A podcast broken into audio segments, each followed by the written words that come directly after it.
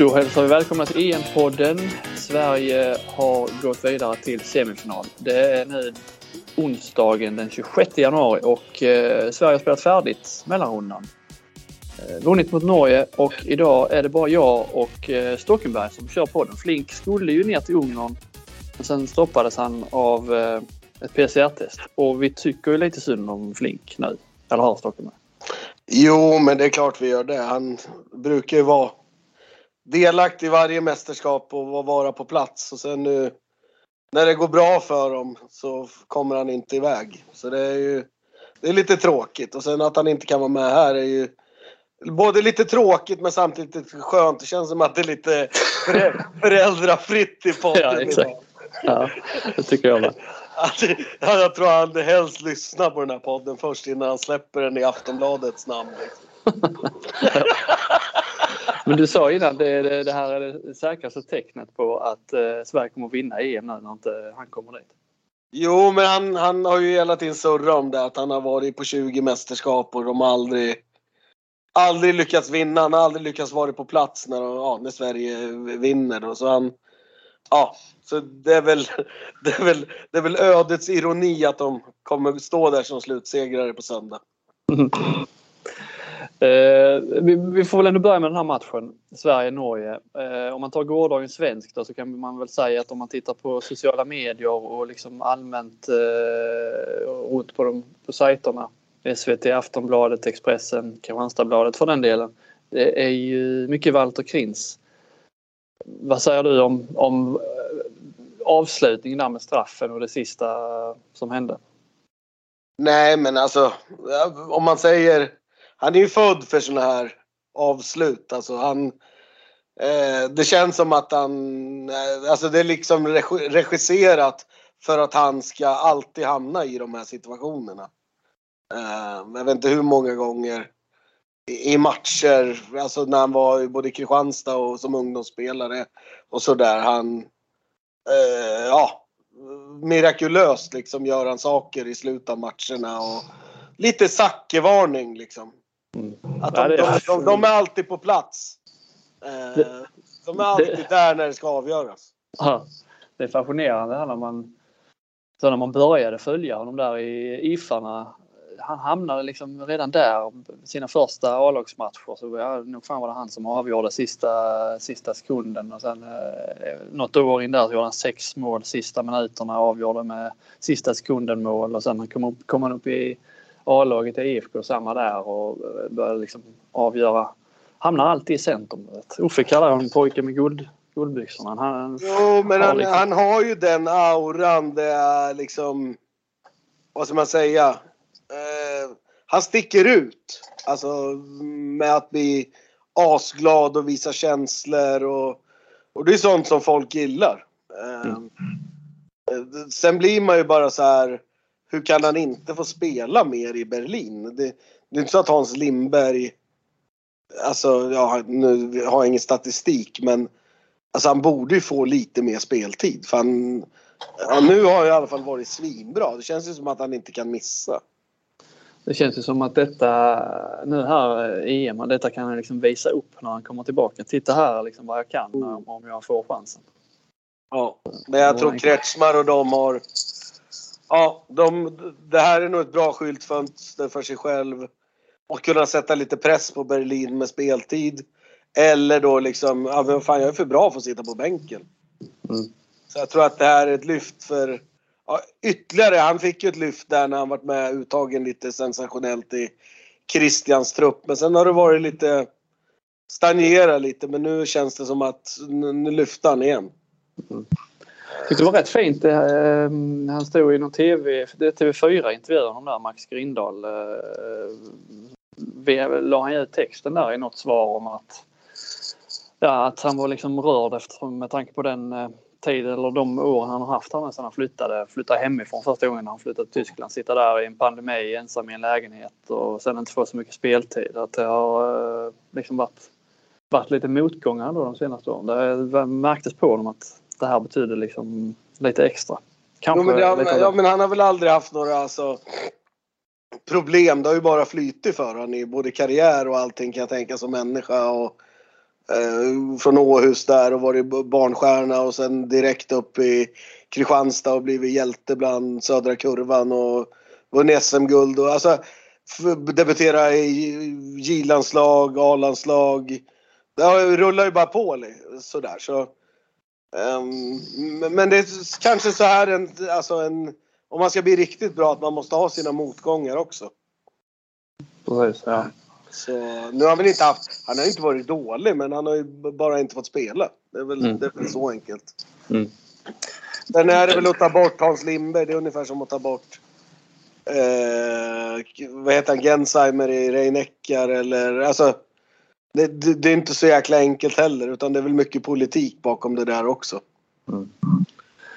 Um, om man tittar avslutningen där igår med förutom att han satte straff, han kommer inte ihåg vad han sköt straffen nu men eh, det var väl någon slags flipplobb. Men det jag tänkte på med sen eh, efter timeouten där Norge var det inte fel taktikval att sätta upp liksom så att man ska komma till ett avslut från 10 meter? Brukar man inte vilja ha kant eller inspel till mittsex i, i sådana lägen för att liksom få dubbla chanser om man skulle... Ja, alltså det optimala är ju att spela på straff när det är 15-20 sekunder kvar.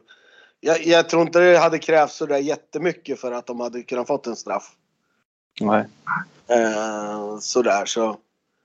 Lite gamla synder tror jag. Som, alltså att Sagosen har inte varit så bra Nej. som han kan vara i EM. Men man ändå, när man ändå... När liksom... Men sen är det ju så i hierarki och hur det är. Alltså, det är de stjärnorna som tar de eh, frisparkarna, straffarna, alltså i, i alla idrotter. Så, så, är det ju. Det är ju... Ja, det blir ju naturligt. Men Ja, det var lite skönt också när han höll på att dumma sig där under matchen. Nu är inte jag så där att, men det där var ju patetiskt liksom. Du brukar gilla sånt ju. Ja, jo men. Ja, men det, det passar liksom inte. Det ska ju vara en det ska ju vara en jugge som gör så eller en, ja. eller en spanjor. Det ska inte vara en kille som är uppväxt i, i Hardangervidda liksom. alltså, alltså de, nej de ska inte vara några bondtjuvar. De ska vara de här snälla och akkurat Alltså att allt ska vara korrekt.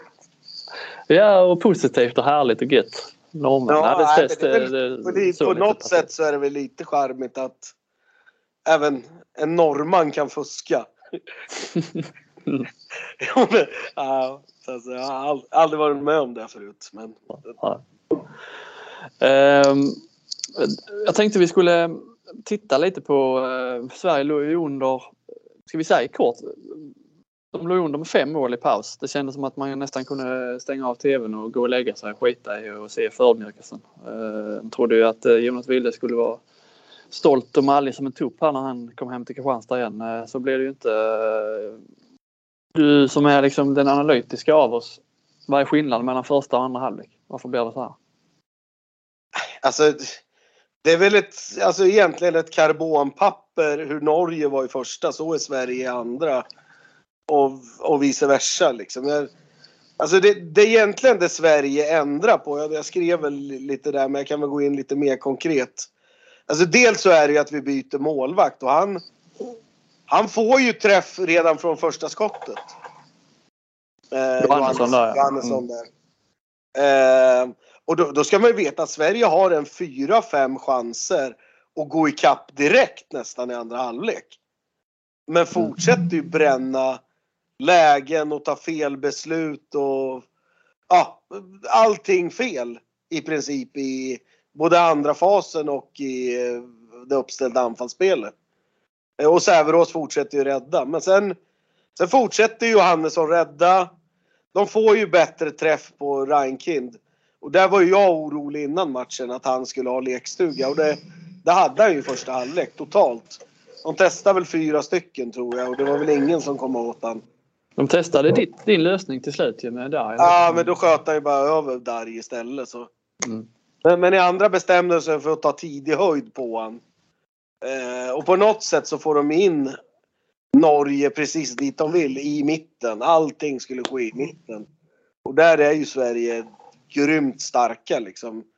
Karlsbogård är ju ingen hjälte offensivt nu för tillfället men han och Bergendal där är ju, det, det är ju bastant alltså.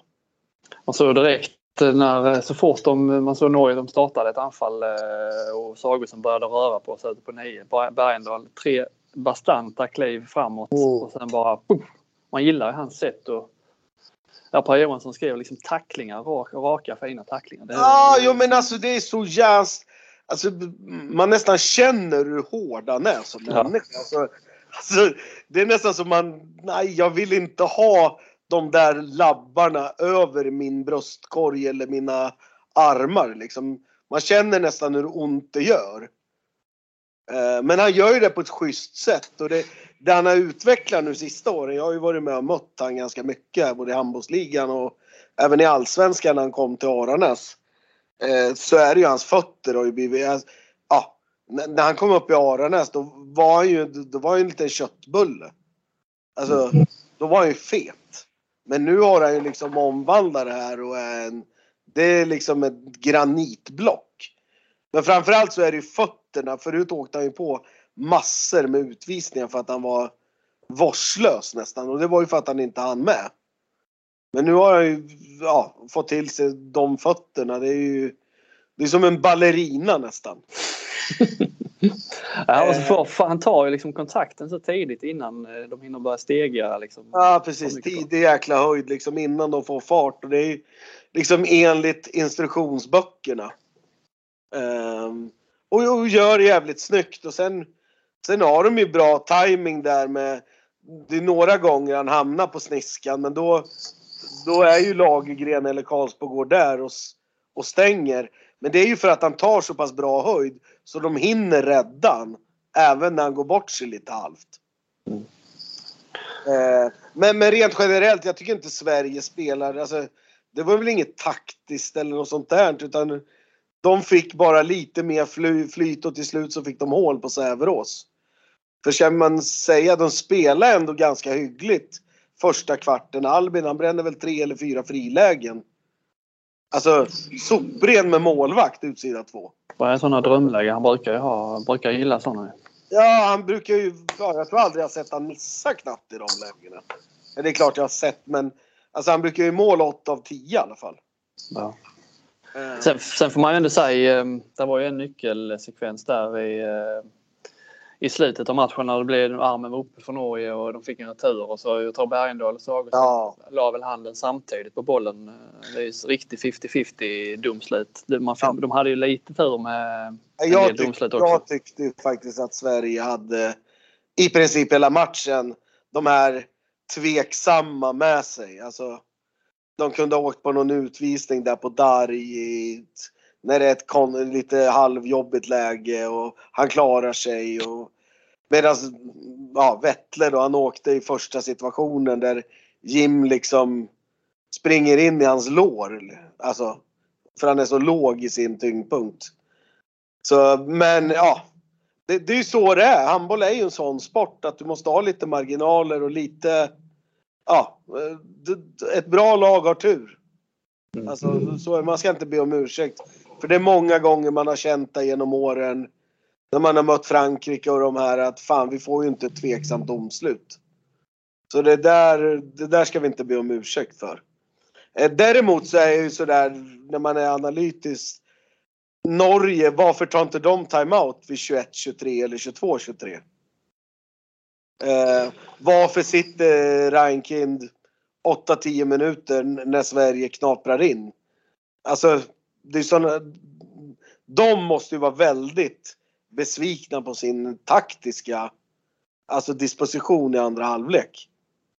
Jag ska, jag ska prata med Jonas här eh, efter vi har spelat in podden. Så det ska bli spännande att se vad han säger om Nej, men Du kan väl skicka med från mig att timeout 21-23, 22-23. Istället vid 22-23 då går de upp och så har de ett anfall på 14 sekunder och Sullivan drar ett vansinneskott fem meter över. Ja, väldigt stressat ja. Eh, konstigt för att vara O'Sullivan liksom. Mm. Han brukar ju inte ens vilja skjuta. Men ja. De fick Dan eller Norge dit. Alltså, de vart rädda för att förlora i slutet. Och den psykologiska liksom pressen vände. Från att Sverige hade sett helt döda ut och det är ju det, är det som gör den här sporten unik och den här, ja, att, att det kan, jag, jag tror att den är fem minuter kvar så ligger de under med fyra. Ja, det är de ju eh, underläge. Ja.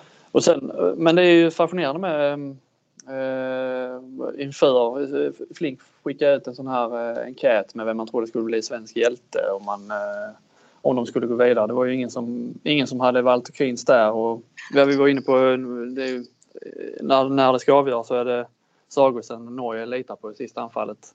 Sverige skickar fram eh, Walter Krins istället. Visst, nu hade ju han, Vanne missat två straffar och Ekberg missat eh, en så det var kanske givet i det läget. Men eh, av de här nyckelspelarna i Sverige så, så Vanne var en av dem man trodde mest på. Han fick ju ingenting att göra. Han har blivit i stort sett punktmarkerad. Ju flera matcher nu där man liksom där man eh, offrar sin kantförsvarare bara för att han inte ska få bollen i, i, i princip. Men ändå igår försökte de ju använda det hålet på båda sidor. Alltså, de får ju enormt många och jättefina lägen utsida två igår. Jag tror Gottfridsson bränner 2-3. Utsida 2, Karlsbo går 2. Lagergren 2-3 stycken, Sandell någon. Så nu börjar de ändå springa i de hålen. För det, det är ju gigantiska ytor alla tvåor emot Sverige får liksom och, och skydda. Det, det, hoppas vi på att de eh, fortsätter med. Ska vi säga någonting om Gottfridsson med som ju nu när Felix Klar inte kan vara med och inte kunde vara med. Eh, han är ju han är rätt Nej, fin han, och trygg att ha. Han växer ju bara av förtroendet och det var som han sa innan. Han är, han är ju van att spela 60 minuter. Men jag tror att de har varit jäkligt smarta som har eh, vila honom stora delar i, i det här EMet. De, de har liksom haft råd med det mot både Polen, Ryssland och, och sådär. Och kanske mot Tjeckien och Spanien. Då var han inte tillräckligt bra så då skulle han inte spela heller. Så jag tror ändå vi har en hyfsad fräsch Gottfridsson med oss in i semifinal, final här. Eh, om, man, om man tittar lite framåt. Så det, och Karlsbogård har de ju också bytt ganska mycket och Lagergren och Sandell har väl i stort sett delat på det. Nu, nu kändes det som att de valde Lagergren.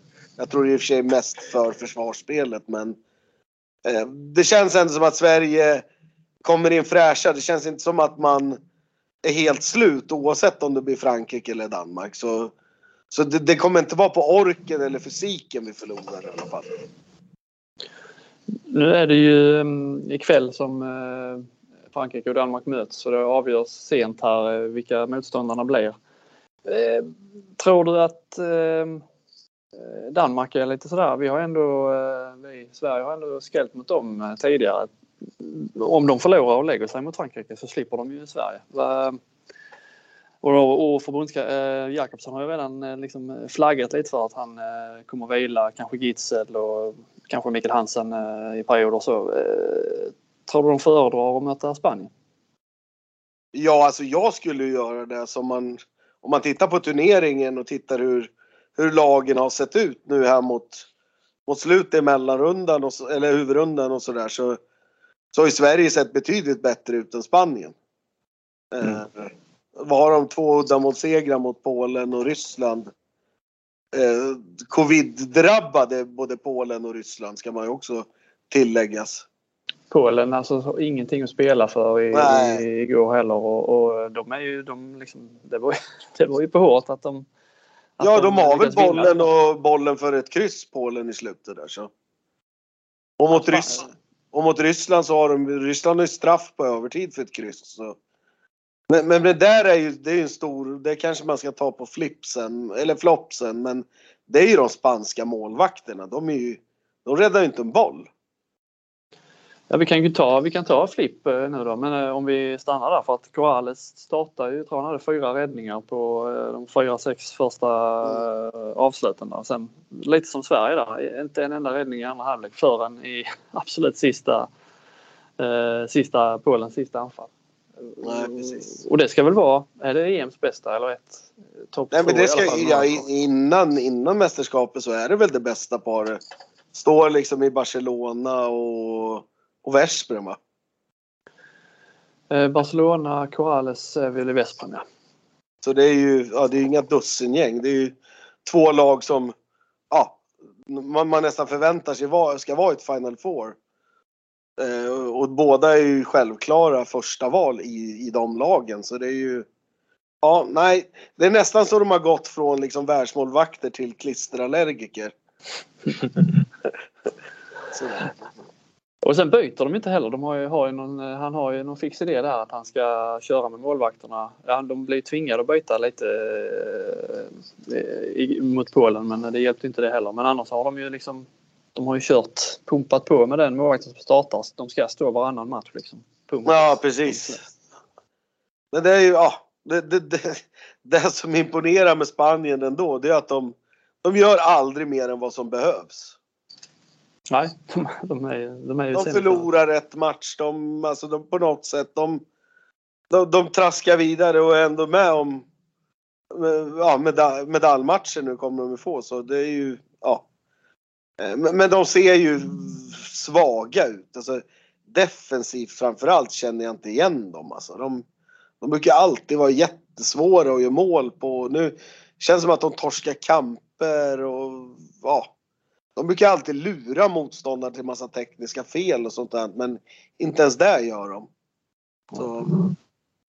Men om vi vänder på det då med om, om vi säger att, eh, att Danmark hellre möter Spanien. Vill Sverige hellre möta eh, Frankrike eller Danmark? Det är väl, det är väl jag, Danmark vi också vill möta eller? Nej men jag, jag tror ändå Sverige hellre vill möta Frankrike för att jag... Du tror det? Ja, men jag tror ändå att det är ett lite... Och framförallt, man slog ju dem i semifinalen där i VM förra året. Så jag tror ändå man känner att de inte har de här... Alltså Gerard kan ju vara fantastisk i målet och den här Pardin, men det är jobbigt att veta att man har Landin och, och tar inte han något så har de ändå Möller också. Liksom. Så det, och sen ändå deras 7-6 är jobbigt och de Alltså Danmark har så mycket mer hela tiden att ta till. Alltså Frankrike känns mer som att, alltså stäng ner Dickamem så är halva matchen vunnen. Uh, liksom. Få hål på Gerard, stäng ner Dickamem så har du en god chans att vinna. Karabatic ju... som han har varit och Lagarde och Richardson. Det, det är ändå inte liksom några sådana här ja, och de kommer inte ändra sitt sätt att spela. Danmark, han kan ju bestämma sig Jakobsen för att äh, idag spelar vi 7-6 hela semifinalen. Alltså, mm. han, han, är ju sån. Uh, sådär. Så jag tror att Sverige hellre, och jag tror personligen att vi har en större chans mot Frankrike. Även fast vi historiskt har haft svårare för Frankrike än Danmark.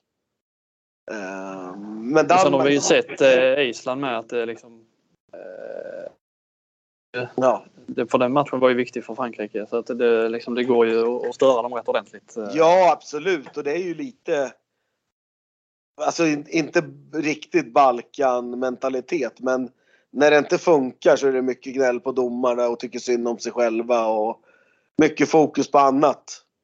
Det, det känns som att Dan, Danmark är mer maskiner. De, de bara mosar allt som står i sin alltså väg det var ju som nu sist. Det var väl en ganska, de ledde väl med 10 mot Holland. Eller ja, Nederländerna då. Han gjorde inga byten ändå. Han spelade med Hansen och Gitzel 60 minuter. Mm. Uh, sådär, vilket man kanske tycker är lite konstigt. När man har Lauge, Mats Mensa, Lasse Andersson. Uh, sådär. Och Kirkelöke kom in och gjorde 10 mål väl? I... Ja, nej men det är som ikväll man, man tror ja, de, jag vilar Hansen och Gidsel då, men det är ett ganska bra lag ändå.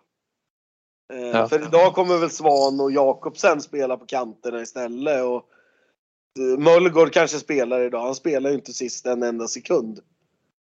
Eh, plus Laugi spelar ingenting. Mats Mensa spelar 20 minuter.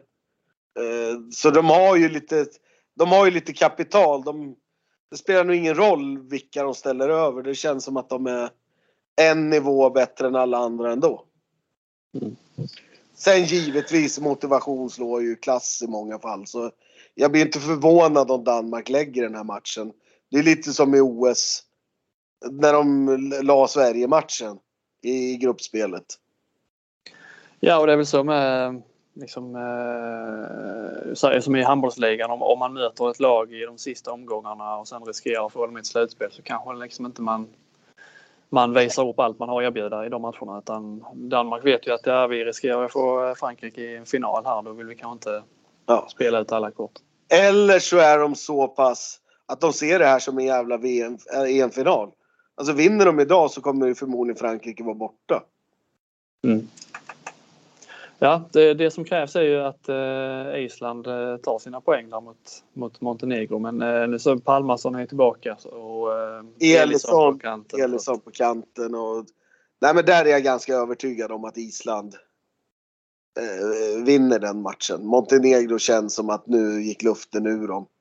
Jag tror de i och för sig har en teoretisk chans att komma trea i gruppen. Om de slår Island och Kroatien slår Nederländerna så blir Montenegro eh, det, blir, det blir många tre, lag på fyra. Ja, men de blir trea i gruppen då för de har slagit både Island och Kroatien. Mm. I så fall då. Men, men jag tror Island är så pass mycket bättre än Montenegro. Och deras, ja, de har väl i princip bara vunnit mot Balkanlag, Montenegro. Mot andra lag så har de inte ens varit i närheten nästan. Det är som eh, man hade, ju, man hade ju velat, nu kan ju inte Sverige få Island i en semifinal eh, tyvärr, men man hade ju velat se, eh, man hoppas nästan liksom att Island ska Ja. Det har ändå varit spännande detta EM att de... Jag tycker de är värda och de, de är väl det laget som kanske, ja, förutom Tyskland då, som har varit hårdast drabbat. Alltså av coronan. De har ju verkligen fått sina bästa spelare. Alltså insjukna i det där. Mm. Så de känns som att de är fruktansvärt värda en semifinalplats.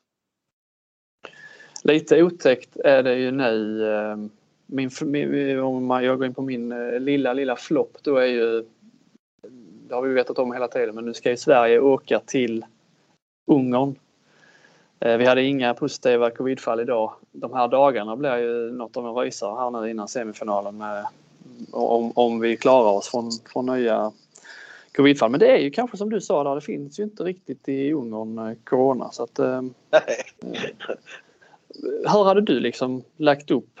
För att eh, när man pratar med, med Walter här i veckan så sa jag att ja, eh, vi lever i en bubbla men vi umgås ju liksom som normalt eh, på hotellet och så, de som är friska.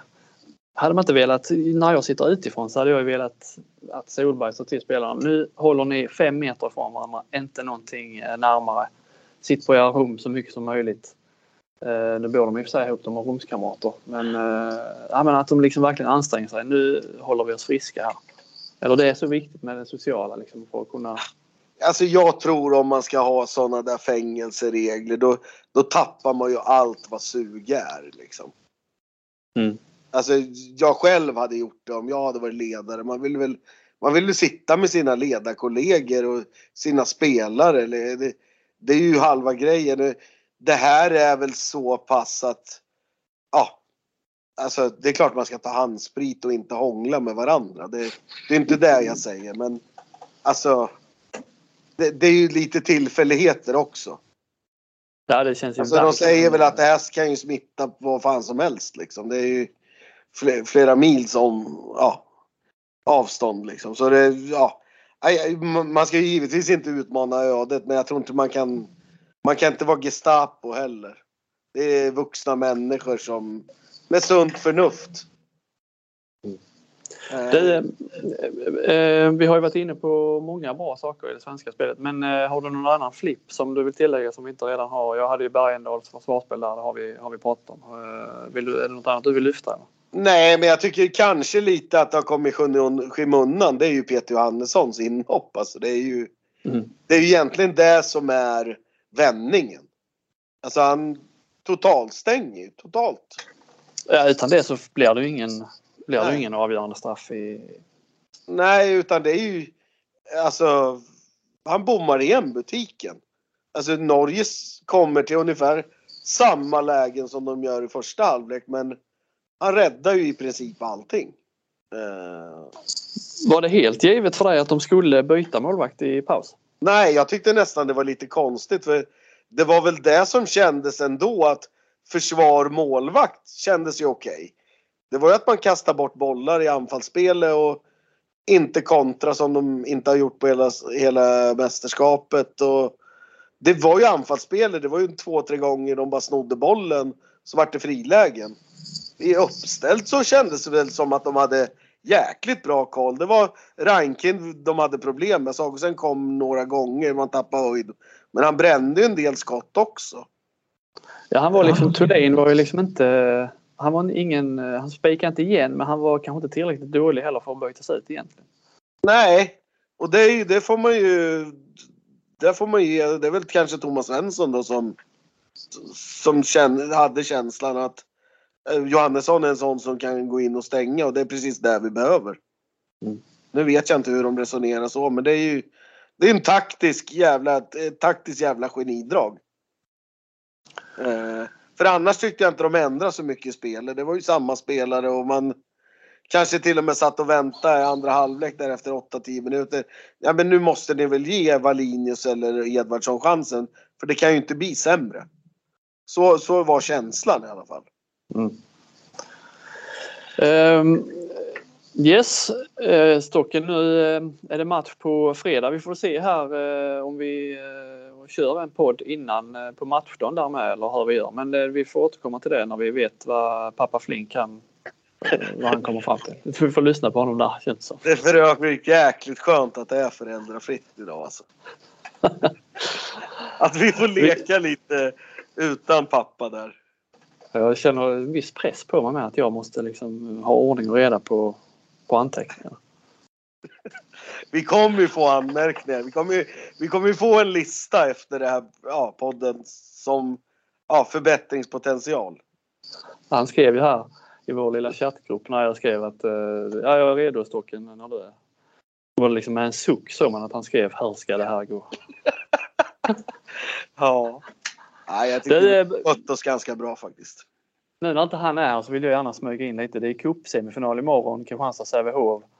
Eh, rätt så infekterad match eh, efter deras eh, dispyt med, med, med när matchen skulle spelas. Och så här. Vad, vad tror du om den matchen? Kommer du att titta på den på Solid Sport? Eller?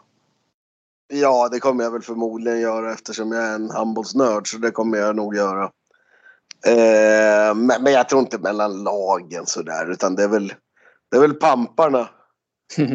Jag tror inte, jag tror inte Uffe Larsson och Micke Apelgren är asarga på varandra imorgon när de träffas. Om jag ska vara riktigt ärlig. Men Och jag- Jesper Larsson och, och, och Albertsson Ja. ska ner till Budapest och Ja. på någon Jag konferens. såg där i något reportage där att Emil Berggren då undrar om de hade tagit någon bira ihop där nere men ja. Vi får följa upp det. Också i Kristianstad, Ulf Sivertsson har fått sparken från Kristianstad HK. Det har du noterat? Eller? Ja, konstigt. Ja, det får man ändå säga. Eh, De, hade jag varit i deras sits så hade jag eh, mest varit glad att de kan få lyckades få en eh, utöver de har haft Schäfert meriterad och att de får dit Sivertsson det, som meriterade tränare. Liksom, eh, För mig, för mig så säger ju det att alltså. Eller för andra tränare liksom att nej. Jag tar nog ett, ett, en extra betänketid om det nu är så att det är tjejerna som har fått bestämma liksom. Jag, ja, jag tycker hela grejen verkar vara konstig men ja. Jag, jag, jag har ju för lite fakta. Man, jag ser ju bara det jag läser. Liksom, och det är väldigt tyst och väldigt liksom. Ja, bara. Ja, för mig så känns det som att det här har väl pågått en längre tid i så fall. Ja, man har ju hört lite om att det har varit missnöje bland, bland spelarna. Men eh, frågan är ju hur mycket makt spelarna ska ha i, i alla lägen. Liksom. Sen har, jag, har väl jag också hört att det finns många ganska starka personligheter just i den gruppen också. Mm. Eh, som har vissa idéer sådär så. Ja. Men ja, i alla fall konstigt. Jag tror ju att Tubbe är en tillräckligt bra tränare för Kristianstads HKs damer. Det, det måste jag ju säga. Det Ja. eh, sådär så. Eh, perfekt, då kuppar jag in lite Kristianstad också. Eh, vi är nöjda där Stocken. Eh, det gjorde vi bra tycker jag. Vi klarar oss och vi eh, återkommer ju då eh, kanske på fredag men allra senast på, på lördag. Eller hur? Jajamän. Tack för idag. Tack för idag. Hej.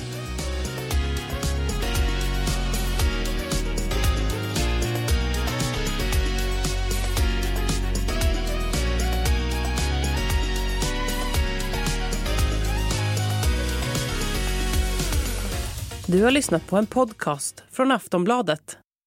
Ansvarig utgivare är Lena K Samuelsson.